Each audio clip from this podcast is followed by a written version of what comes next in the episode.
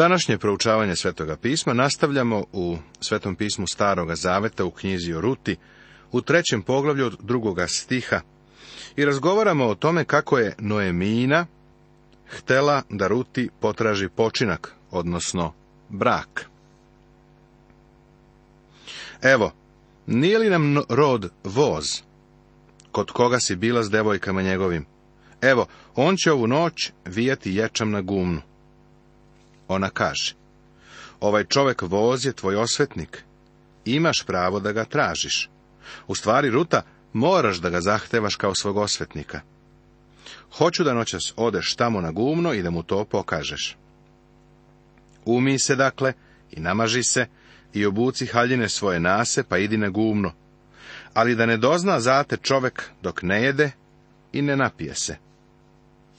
Noemina kaže Ruti da čeka dok se ne završi gozba.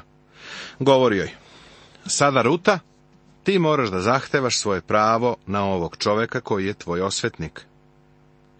Ruta nije ništa u vezi sa tim činila, pa će joj Noemina dati vrlo određena uputstva.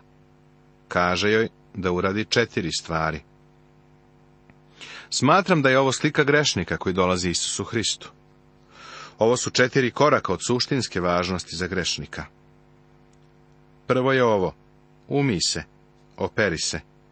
Ako ti i ja nameravamo da priđemo Isusu, rečeno nam je da nas je spasao ne na osnovu dela koja smo mi učinili u pravednosti, nego po svojoj milosti banjom koja preporađa i obnavlja duhom svetim. Poslanica Titu, treće poglavlje, peti stih, svetog pisma Novog Zaveta. Zbog ovoga je naš gospod Nikodimu rekao ono što je rekao. Možda misliš da si fini religiozni čovek, i jesi, ali ti je potrebno očišćenje, duhovno očišćenje, potrebno ti je pranje obnovljenja.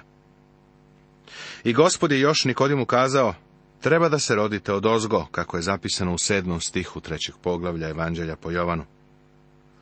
Prijatelju, ako želiš da ikada budeš podoban za nebo, moraš se nanovo roditi moraš doživjeti na novo rođenje. Neko je pitao Johna Veslija, zašto je uvek propovedao o tome da se treba nanovo roditi? To je bio njegov omiljeni tekst. Pa odgovorio je on reći ću ti. Propovedam o tome da se moraš nanovo roditi, zato što se moraš nanovo roditi. Prijatelju, u nebo ne možeš dospeti niti možeš biti spasen ukoliko nisi novo stvorenje u Hristu Isusu. Ti i ja ne odgovaramo nebu, sve dok se nanovo ne rodimo, i ne budemo obnovljeni svetim duhom. Zato Noemina kaže Ruti. U polju si naporno radila, sada se umij. To je prvi korak koji treba preduzeti. Druga stvar koja Noemina kaže Ruti jeste da se namaže.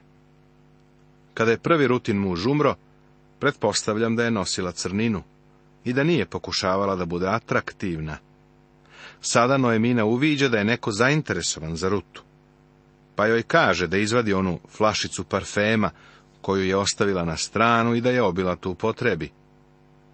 Mogu i da pretpostavim ime parfema koji je koristila. Ponoć u Moavu. Želim da ti kažem da je to bio egzotičan parfem. Noemina joj kaže, namaži se. Ovo se također podudara sa jednim hrišćanskim iskustvom. Kada postanemo Božija deca, mi smo bebe, budi siguran u to. Ali uzrastamo do odraslog doba kada možemo razumeti božansku istinu. Ali postoji nešto što je vereniku rečeno o pomazanju koje ima. Mi imamo pomazanje Svetoga Duha. U prvoj poslanici Jovanovoj, u drugom poglavlju, u 20. stihu, Jovan nam ovako kaže.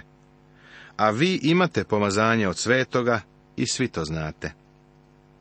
Ovo znači da će nas duh sveti naučiti celoj istini. Svakome od nas je potrebno poučenje svetoga duha. Ovo je jedini način na svetu putem koga možemo da razumemo Božiju reč, prijatelju. Duh Boži mora da nas nauči. Ali ova činjenica je danas zanemarena. U teološkim krugovima besni sukob oko doktrine nadahnuća. Vrlo je važno znati da je Biblija nadahnuta od Boga. Ali možeš verovati i u potpuno verbalno nadahnuće Svetoga pisma i da istovremeno i dalje ne poznaješ Božju reč. Zašto? Moraš da shvatiš da ovu knjigu ne možeš prineti isključivo ljudskom razumu i očekivati da je razumeš. Možda razumeš činjenice, možda si saznao neke intelektualne stvari – ali samo božji duh može da te nauči duhovnim stvarima. U prvoj poslanici Korinčanima u drugom poglavlju, u devetom i desetom stihu, apostol Pavla ovako kaže Nego propovedamo kao što je napisano, što oko ne vide i uho ne ču i u ljudsko srce ne dođe, što ugotovi Bog onima koji ga ljube. A nama je Bog otkrio posredstvom duha, Duh boži može da nas nauči svoj istini i da nas uvede u svu istinu. Tako je važno da imamo duha svetoga kao našeg učitelja. Jer duh ispituje sve i dubine Božije.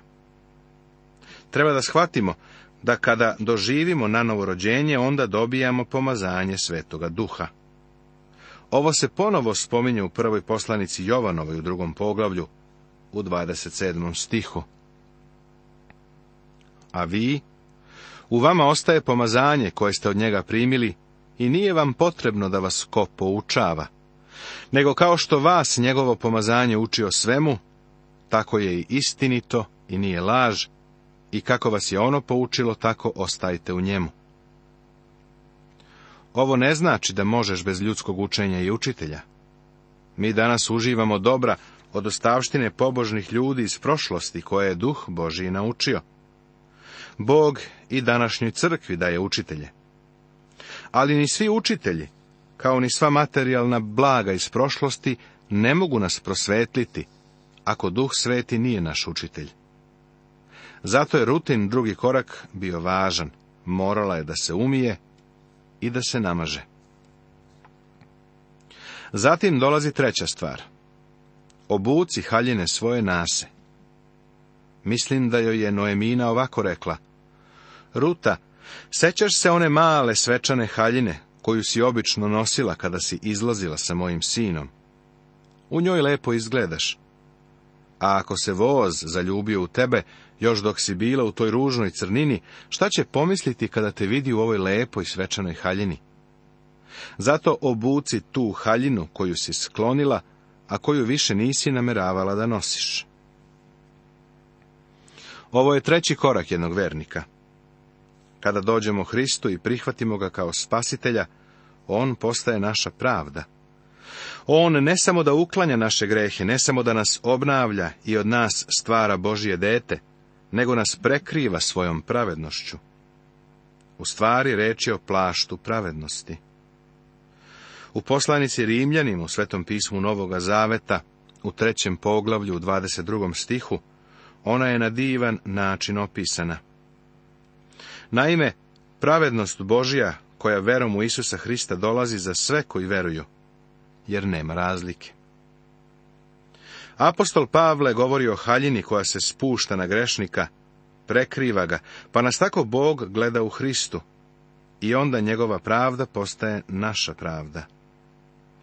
U njemu smo potpuni, obdarani, odnosno prihvaćeni u voljenom sinu, kao što kaže u poslanici Efescima u prvom poglavlju, u šestom stihu. To je plašt pravednosti koji danas posjedujemo. Pre nekoliko godina izašla je knjiga pod nazivom Plašt. U mojej crkvi je tada bila jedna mlada pametna žena. Jedne nedelje uveče je došla i rekla, čitala sam jednu knjigu triler. Pitao sam koja je to knjiga. Bio sam malo obeshrabren kada je rekla da je to plašt. Pitala me da li sam je čitao, ja sam rekao nisam. Imam tu knjigu, pogledao sam, jel je nisam detaljno pročitao. U stvari, ne zanima me. Ona me je s velikim iznenađenjem gledala, rekla je, hoćeš da mi kažeš da te ne zanima šta se desilo sa tim plaštom? Odgovorio sam, iskreno govoreći ne zanima me. Taj plašt bez šavova koje je Hristos nosio nema nikakvu romantičnu istoriju. Vojnici su se kockali za nju. Moma koji je dobio, verovatno je bio neki krupni rimski vojnik. To je polutropska zemlja. Slučajno znam da tamo ume da bude vrlo vruće. On se verovatno nekoliko sedmica znojio u tom plaštu, potom ga bacio neki čošak. Onda je naišla mala služavka, uzela ga, pomirisala, bacila u kantu za đubre. Ova mlada žena je bila šokirana kada sam to rekao. Kazala je, to je strašno. U knjizi je navedena romantična priča. Odgovorio sam. Taj plašt nema nikakvu romantičnu istoriju, ali jedan ima. To je plašt pravednosti koji Hristos stavlja na grešnika koji uzveruje u njega. Ti i ja nismo sami sebi dovoljni. U njemu smo upotpunjeni. U poslanici Rimljanima u četvrtom poglavlju u 25. stihu piše da je Hristos predan za naše grehe i podignut radi našeg opravdanja, da bismo mi bili pravedni i da bismo mogli stati pred Boga. Onoga koji nije znao greha, Bog je učinio grehom za nas, da mi u njemu postanemo pravednost Božija, kaže 21. stih petog poglavlja druge poslanice Korinčanima u Novom Zavetu. Ti i ja stojimo ogrnuti tim plaštom pravednosti, a to je stvarno romantična istorija. Četvrto što Noemina govori Ruti, jeste da ode na gumno i pokaže vozu da želi njega za svog osvetnika. Pa kad legne, zapamti mesto gde legne, pa onda otidi i digni pokrivač s nogu njegovih, te lezi onde, a on će ti kazati šta ćeš raditi. Prijatelju, ovo je za nas vrlo značajan korak. To je korak koji svaki vernik mora da preduzme. Čak i u današnjoj crkvi ima mnogo ljudi koji su se priključili crkvi, ali Isusa Hrista nikada stvarno nisu prihvatili. Nikada nisu otišli na gumno i molili ga da bude njihov osvetnik, njihov izbavitelj. Voleo bih da te pitam, da li si ikada tražio od Isusa Hrista da bude tvoj spasitelj? Prijatelju, moraš to da učiniš. Sveto pismo nam kaže da treba da verujemo u gospoda Isusa Hrista. To mora biti čin vere. Ne vere koja stoji po strani i klima glavom. Ovo je aktivna vera koja tvrdi da je Isus osvetnik, otkupitelj. On je tvoj spasitelj. O, kakav dar! Blagodatni dar Božiji je večni život u Isusu Hristu, gospodu našem, kaže 23. stih šestog poglavlja poslanice Rimljanima. Pod Mojsijevim zakonom, Ruta nije bila samo ovlašćena i nije samo imala pravo da traži osvetnika, nego je čak morala da to učini.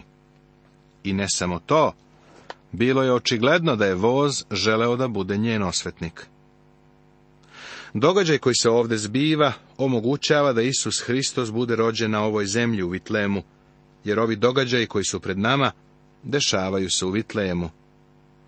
Ova devojka će poslušati svoju svekrvu. Nema ništa loše u tim uputstvima koja su joj data, kao što ćemo vidjeti. Od Rute se tražilo da zahteva svoje pravo, jer to nije učinila.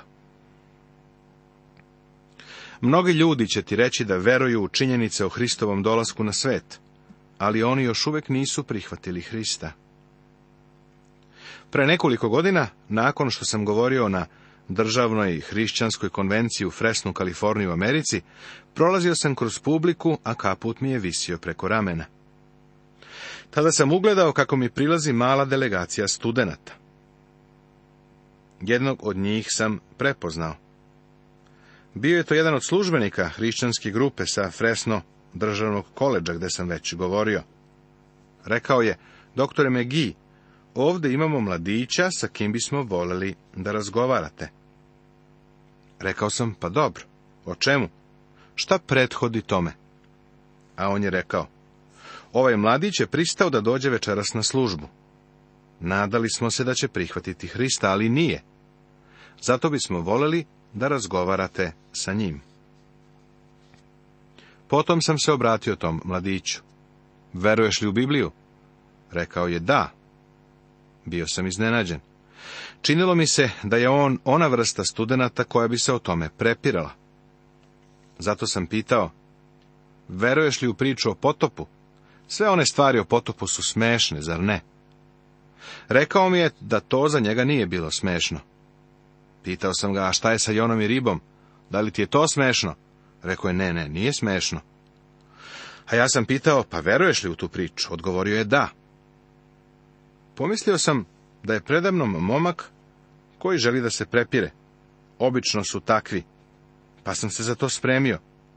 Onda sam ga pitao, veruješ li da je Isus Hristos došao na ovu zemlju pre 2000 godina kao Boži sin i da je devičanski rođen? Odgovorio je da. Veruješ li u čuda koje je činio? Rekao je da. Veruješ li da je umro na krstu za naše grehe? Da, odgovorio je. A onda sam ga pitao, veruješ li da je ustao iz mrtvih u telu? Uzvratio je, da. Veruješ li da se vaznao na nebo? Da. Pa, dragi moji, momak je verovao u sve što sam ga pitao. I šta tada da radim? Kurs lične evangelizacije kroz koji sam prošao nije mi rekao šta dalje da radim, pa sam tako tamo stajao ne znajući šta da preduzmem. Konačno mi je izletelo iz usta. Mladiću, pa zar ne želiš da prihvatiš Hrista kao svog spasitelja? On mi je isto merom uzvratio rekao, da, želim. Sledeće što se desilo je da smo svi, uključujući i mene, želeli da sa njim raspravljamo o Bibliji. Ali niko nije zastao i rekao mu, idi tamo na gumno, prihvati Hrista kao spasitelja. Ovaj mladić je na divan način prihvatio Hrista kao spasitelja. U tom velikom auditorijumu, tada već skoro praznom, spustili smo se na kolena i on je prihvatio Hrista kao svog spasitelja. Sve što mu je bilo potrebno, bilo je da ode na gumno. Iskreno govoreći, mislim da danas ima mnogo takvih ljudi. Možda si i ti takav. Možda si član crkve, ali da li si ikada stvarno otišao na gumno i lično prihvatio Hrista molio ga da bude tvoj spasitelj od greha. Kada se pouzdaš u njega, znaćeš šta znači preći iz mraka u svetlo. To je ono što Noemina govori Ruti da sada učini. Pa kad legne, zapamti mesto gde legne, pa onda otidi i digni pokrivač s nogu njegovih telezi onde, a on će ti kazati šta ćeš raditi. A Ruta joj reče, što mi god kažeš učinit ću. I otide na gumno i učini sve što joj zapovedi svekrva. Dozvoli da kažem da nema ništa sumnjivo u onome što je Noemina rekla Ruti da učini. Da počnem ovako. Noemina od nje nikada ne bi tražila da učini nešto neumesno. Međutim, ima onih koji su je kritikovali, koji nisu shvatali taj posebni zakon ili gumno, Vidiš, ona mora da ga traži da bude njen osvetnik. To je prva stvar. Ali gumno je javno mesto. Tamo su bili žeteoci sa porodicama. Noemina kaže Ruti, kada se završi vršidba i kada večeraju i kada se završi vreme slavljenja Boga, religiozna služba, on će tada leći. Glavu će staviti prema žitu, a noge s polja. Ti onda idi i svoje noge stavi naspram njegovih, njegov plašt prebaci preko svojih nogu, a on će ti pokazati šta da radiš. Sve to se dešava na polju.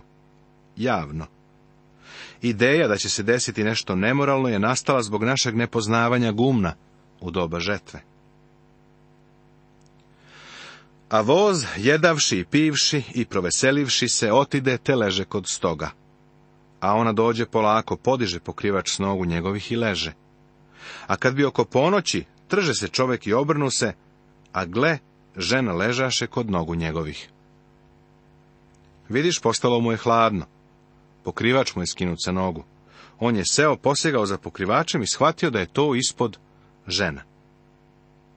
I on njoj reče, ko si? Odgovor, ja sam Ruta, sluškinja tvoja. Raširi krilo svoje na sluškinju svoju, jer si mi osvetnik. Prijatelju, Lično smatram da je ovo jedna od najlepših stvari koju nalazimo u Božjoj reči. Znaš li šta mu ona govori? Ona mu ovo kaže. Želim da budeš moj osvetnik, želim da ti to kažem. Ovo je zaista promenilo razmišljanje ovoga čoveka. Zamišljam ga kako je prvo malo zatečen, a onda uzvikuje od radosti. Slušaj. A on reče, gospoda te blagoslovi, kćeri moja. Ova potonja milost koju mi pokazuješ veća je od prve, što nisi tražila mladića ni siromašna, ni bogata. Drugim rečima, on je ovo rekao. Kada si došla ovde, bilo je očigledno da nisi išla u lov na muža. Zauzela je vrlo povučeno i mirno mesto. Ali sada Ruta polaže pravo na voza kao svoga osvetnika i veruj mi, ni on ne okleva. Ona ovo čini na tako divan način. Nastavit će se.